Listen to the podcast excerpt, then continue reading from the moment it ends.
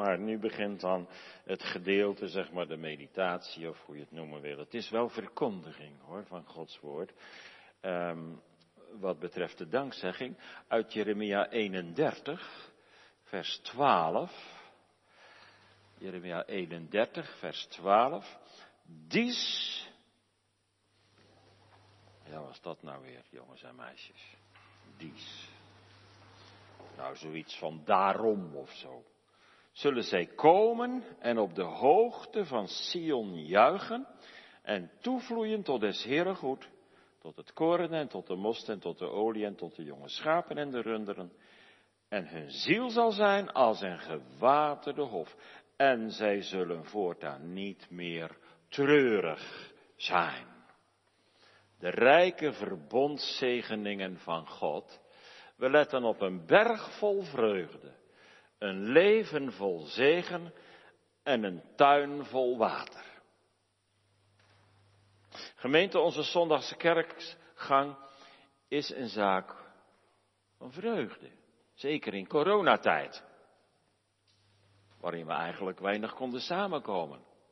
Maar gelukkig heeft nu vandaag iedereen de gelegenheid gehad. Vandaag mocht het een feestdag zijn. Het heilig avondmaal is bediend. Onze tekst vertolkt iets van die blijdschap, van die dankbaarheid. Die zullen zij komen en op de hoogte van Sion juichen. En toevloeien tot des Heeren goed. De goederen van de Heere, de verbondsgoederen van de Heere, maar hier in de tekst heel letterlijk lammetjes en koren en druiven enzovoorts. Nou, de kerkgang vandaag was zeker geen sleurgang, hè? Zeker niet bij de bediening van het heilige avondmaal. De profeet Jeremia ziet een stroom van mensen komen. Tot de berg Sion. Wat is dat? Vindt u dat echt moeilijk om dat te bedenken? De berg Sion, dat is de Tempelberg in Jeruzalem. De hoogte van Sion is de Tempelberg om op die aan God gewijde top te juichen en te jubelen tot Gods eer. Maar dan gaat het wel over een tempel die op dat moment dat Jeremia dit spreekt nog totaal verwoest is. Waar ruïnes van over waren. En een hoogte van Sion die er verlaten en verwaarloosd bijlag. Waar geen altaar meer rookte, waar geen priester meer dienst deed, waar geen pelgrim meer kwam om te aanbidden. Gedurende de ballingschap van het volk Israël in Babel bood Sion een trieste aanblik. 70 jaar lang stond alles in het teken van oordeel verwoesting. Zou dat ooit nog weer goed komen? Zou er nog enige toekomst zijn van, voor Sion? Nou, dat is wel heel logisch dat je zo'n vraag stelt in zulke omstandigheden. Ze konden hun lofzangen niet meer zingen. Ze hadden hun harpen aan de wilgen gehangen. Ze konden geen liederen van Sion meer zingen. Hun hart was vol met droefheid. Maar nu spreekt Jeremia in zijn troostboek van een nieuwe toekomst. Die God voor zijn verbondsvolk Israël heeft weggelegd. De Heere zal zijn volk opzoeken in de verte van hun verlorenheid. Tekst van de voorbereidingsdienst. Van verre is God bij verschenen En hij zal het volk terugbrengen in hun oude vaderland. Hij zal ze trekken met koorden van liefde en goede tierenheid. Dat geldt zelfs de gehandicapten, die zelf niet in staat zijn om zo'n grote bezwaarlijke reis te ondernemen. De Heer zal de weg voor ze banen. Dat hangt helemaal samen met vers 11. Want de Heer heeft Jacob vrijgekocht heeft hem verlost uit de hand van degene die sterker was dan hij. En dat waren de andere rijken, Babel en Perzië. Dat woordje verlossen brengt je wel op een heel goed idee. Want als je de grondtaal bekijkt, dan heeft dat alles te maken met het woordje goel, zeggen wij in het Nederlands. Goel. Goel. En dat betekent verlosser. En u weet, onze enige goel is de Heer Jezus. Die ons kocht met zijn bloed. Dat werd vandaag duidelijk bij de viering van het heilig avondmaal. Het ging om Hem, toch? Om Zijn eer, Zijn toekomst, Zijn liefde. Christus is de spil van de avondmaalsviering, maar ook van de dankzegging. Niet alleen vanavond, maar ook morgen en overmorgen, juist dan, als het in ons leven ook te zien is, maar vanuit een hart dat gewillig is om de Here en de naaste te dienen. Ze zullen komen met een grote gemeente, zegt vers 8. Ja, als je denkt wat een armzalig hoopje er teruggekeerd is, dan moet dit een betekenis hebben die ook in de toekomst ligt. Tuurlijk, je hebt hyperbolen, je hebt uh, uitdrukkingen die wel eens overdreven zijn, maar een grote gemeente. Dus in grote getalen.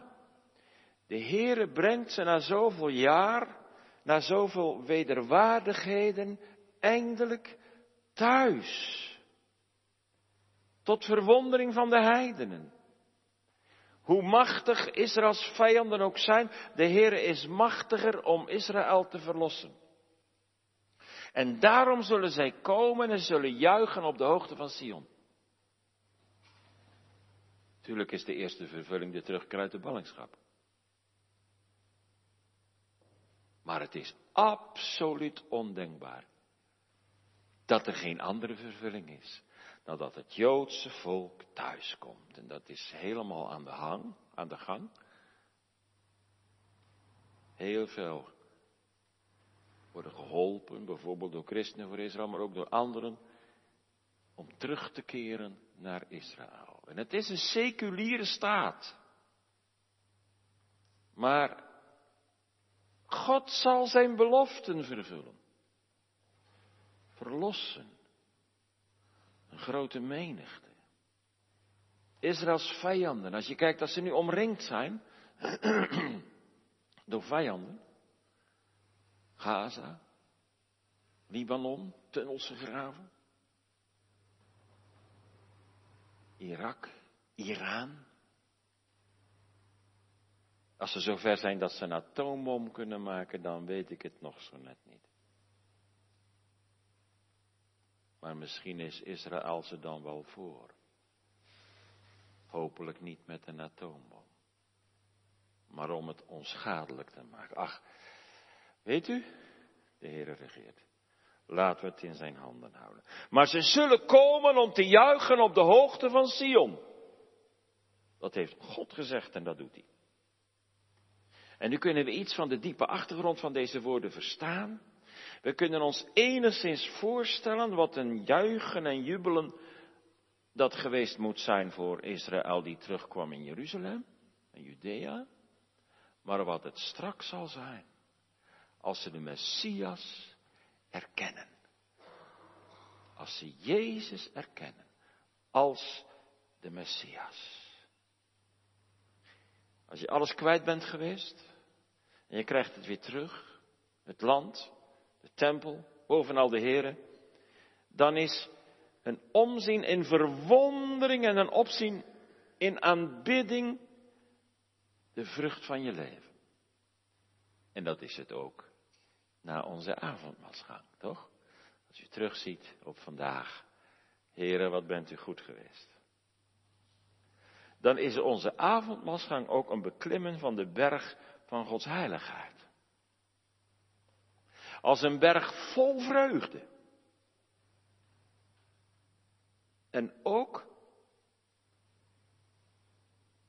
door de week loven we Hem en aanbidden we Hem voor de weldaden die Hij ons bewezen heeft.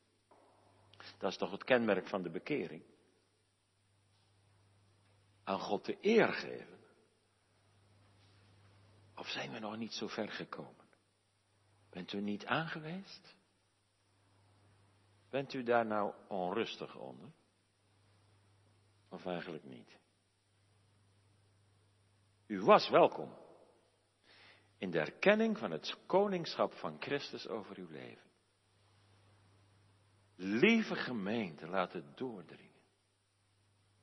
En zeg niet, ja, maar ik ben onmachtig en ik ben, ja, zeg maar vooral, ik ben onwillig. Want de Heere zegt, bekeer u. En misschien zegt hij straks, ik heb, jij hebt niet gewild dat ik koning over je zou zijn. Dat zou vreselijk zijn. Tot zover één. Een berg vol vreugde. We gaan naar twee. Een leven vol zegen.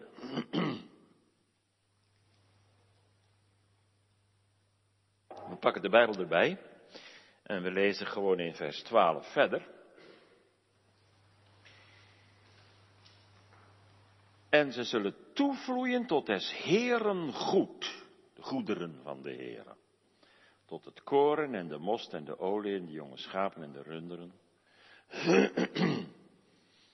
Het woord toevloeien is niet zo denderend eigenlijk in deze vertaling. Ja, toestromen kan. Maar de Hebreeuwse grondtaal geeft, als u een studiebijbel hebt, zo'n grote, weet je, waar je op de linkerkant de grondtaal erbij hebt, dan moet je eens kijken, al ken je geen Hebreeuws, maar dan moet je eens kijken bij dit vers wat, wat er eigenlijk staat. Dan staat er, door de goedheid van de Heer zullen ze stralen. Stralen. De bruid van Christus zal stralen. Vanwege alle zegeningen. En die worden hele aardse dingen genoemd. Koren, most, verse olijfolie, kleinvee.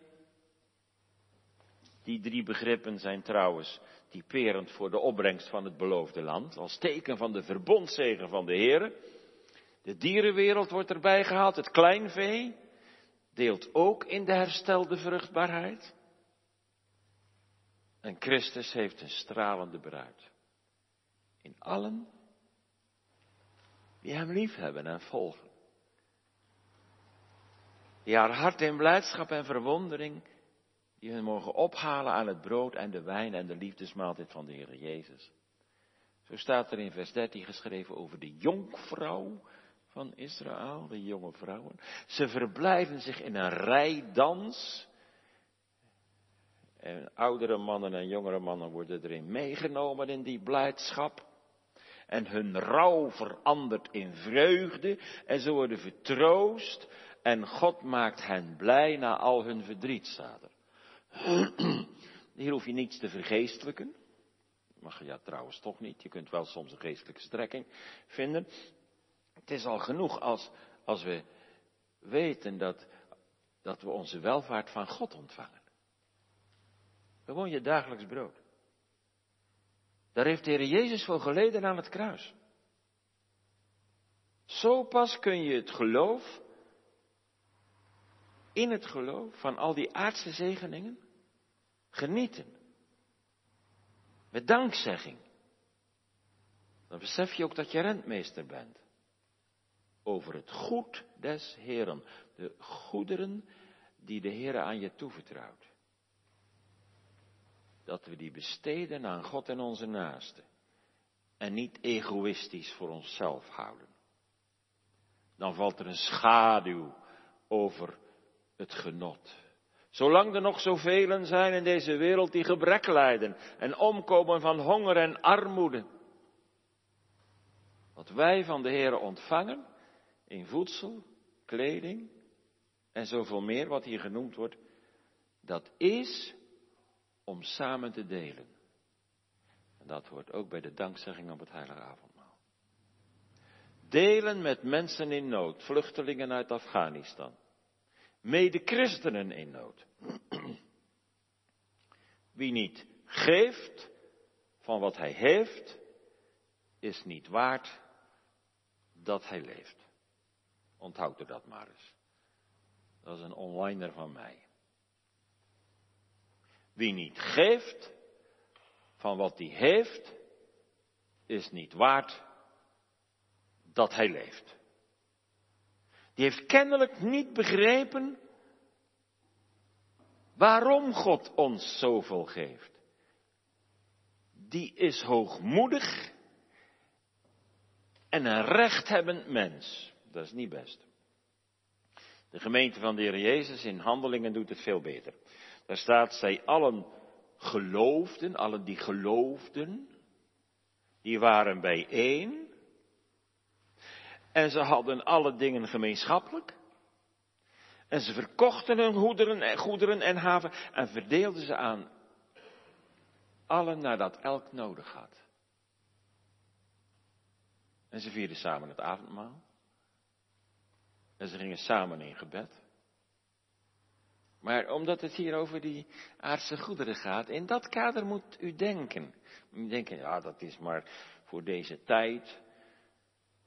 Ja, maar u hebt toch wel gegeten vanavond, of en vanmiddag misschien, en vanmorgen. Dat is allemaal van deze tijd. Zou je het niet kunnen laten? Nee, want dan ga je dood.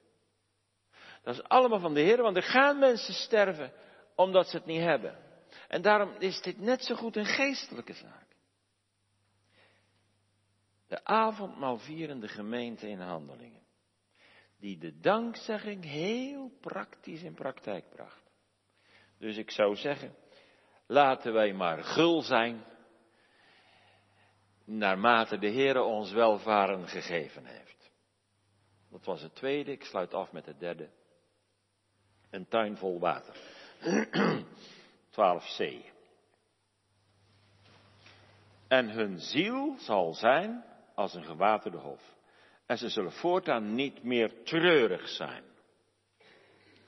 Niet meer versmachten. Niet meer kwijnen.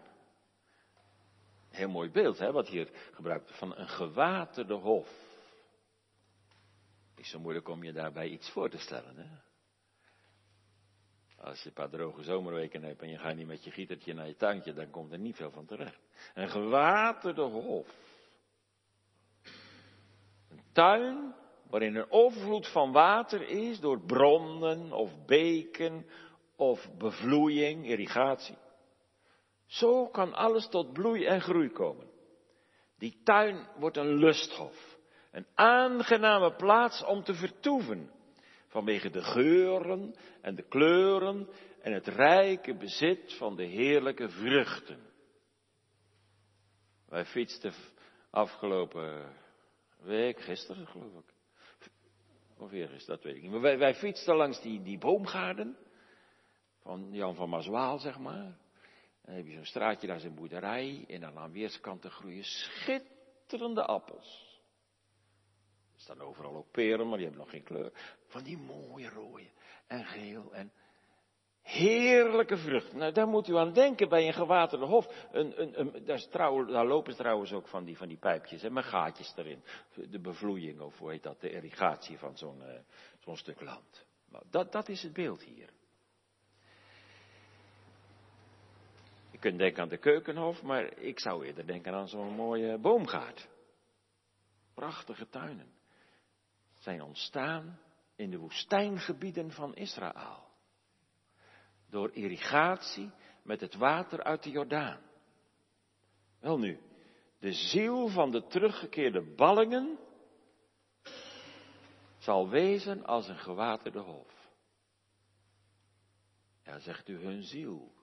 Zie je wel dat hier niet dat letterlijke. Wacht even, dat woordje ziel is gewoon nefesh. En wat is nefesh? Nou, dat ben je zelf. Wat is je persoon, je persoonlijkheid? Jijzelf. Dat is niet, zeg maar, dat wij een ziel hebben voor de eeuwigheid. Dat is wat anders. Dat, dat, noem ik je geest. Jezus gaf zijn geest in de handen van de Vader. Niet zijn ziel. Dus, uw ziel, u, uzelf, uw mens zijn, zal zijn als een gewaterde hof. Zo heeft God het bedoeld. Adam en Eva in het paradijs. in de Hof van Eden. Heerlijk om in zo'n paradijs te wonen. Hun leven was fleurig en geurig en droeg vrucht. Zo beschrijft David in Psalm 92 het leven van het geloof. In dienst van de Heere, de Heere van de Sabbat. Een lied op de Sabbatdag. Die in het huis des Heeren geplant zijn. Die zal gegeven worden te groeien in de voorhoven van onze God. Ze zullen fris en groen zijn en gewenste vruchten dragen. Dat is het beeld.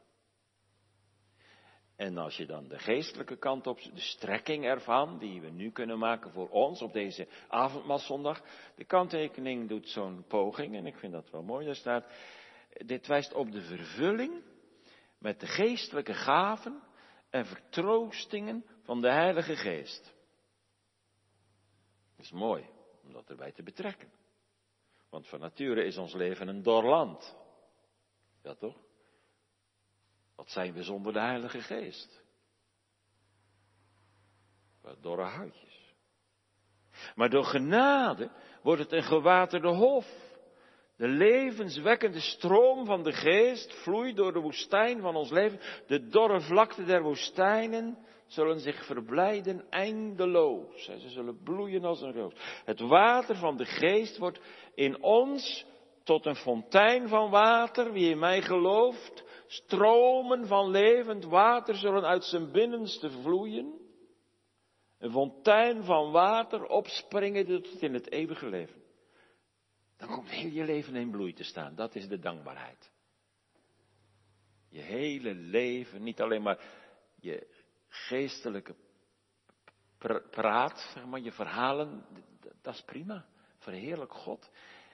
Als u dat kunt over uw innerlijk praten en wat God gedaan heeft, daar is God mee geëerd, als je maar zelf niet in het middelpunt komt. Maar dit is een mooi beeld. De vrucht van de geest.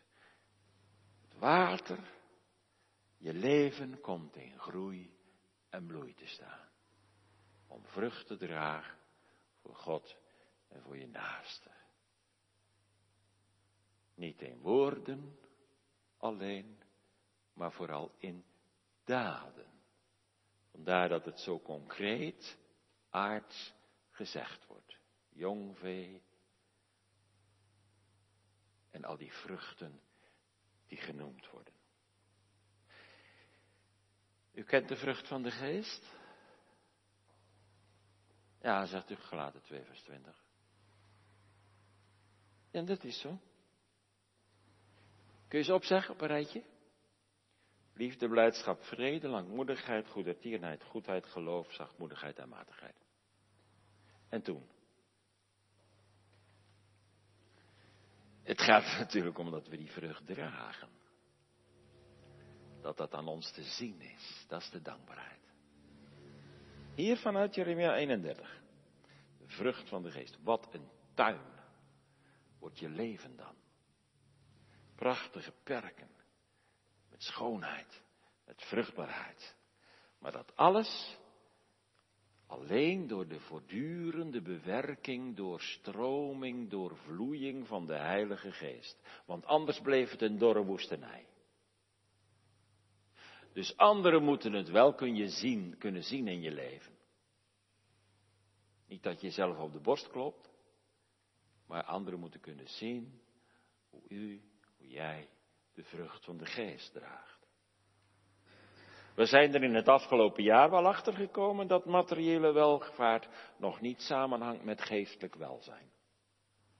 Ondanks alle overvloed bleef de ziel van veel mensen, hun hart, zeg maar, onbevredigd, kaal en leeg. Was een kale steppen. De coronatijd leerde ons wel wat er in de mens zit. Als er veel wegvalt, waar ons hart op stond, waar we onze bevrediging in vonden. Als je God niet overhoudt, als alles je wordt afgenomen, en als je, er geen toekomst in het verschiet ligt, dan zou je zomaar mee gaan lopen met al die mensen die gaan protesteren met grote schreeuwende monden en met allerlei papiertjes en doekjes en Kartonnetjes, van alles erop geschreven. Juichen in Sion, ja. Maar niet uit je dak gaan, niet zo. Het gaat hier over iets heel anders. Weet u? Als er staat, hun ziel zal zijn, hun leven zal zijn als een gewaterde hof. Ze zullen voortaan niet meer treurig zijn. Dat is mooi, eraan vastgekoppeld. Ze zullen voortaan niet meer treurig zijn, niet meer kwijnen als een tuin die lange tijd geen water heeft gekregen. Als u met vakantie gaat en u geeft de uh, hanggraniums geen water een paar weken, en het is hier flink zonnetje, nou als je terugkomt, dan zie je het wel hangen zeker. Zo is dat met je leven ook. We hebben het water van de geest iedere dag nodig. De gemeenschap met de Heer Jezus. Het geloof in Hem, in Zijn naam. Voortaan niet meer treurig zijn, ja, zegt u, maar de aarde blijft toch een tranendal? Zeker. En ook in het geestelijk leven kunnen er tijden van dorheid zijn en van droogte zijn. Zeker. De volle vervulling van deze woorden in Jeremia 31 staat nog uit. Daarvan lezen we in Openbaring 21. Dan zijn we een stap verder.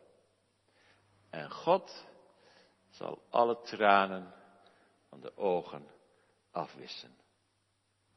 Maar nu is er al het beginsel van die eeuwige vreugde. Nu is er genade voor genade. Uit de volheid van de Heer Jezus Christus. Hij heeft een stralende bruid. Ja? Laat u het zien. Hef je hoofd omhoog. Totdat de bruidegom komt. Wie weet hoe spoedig.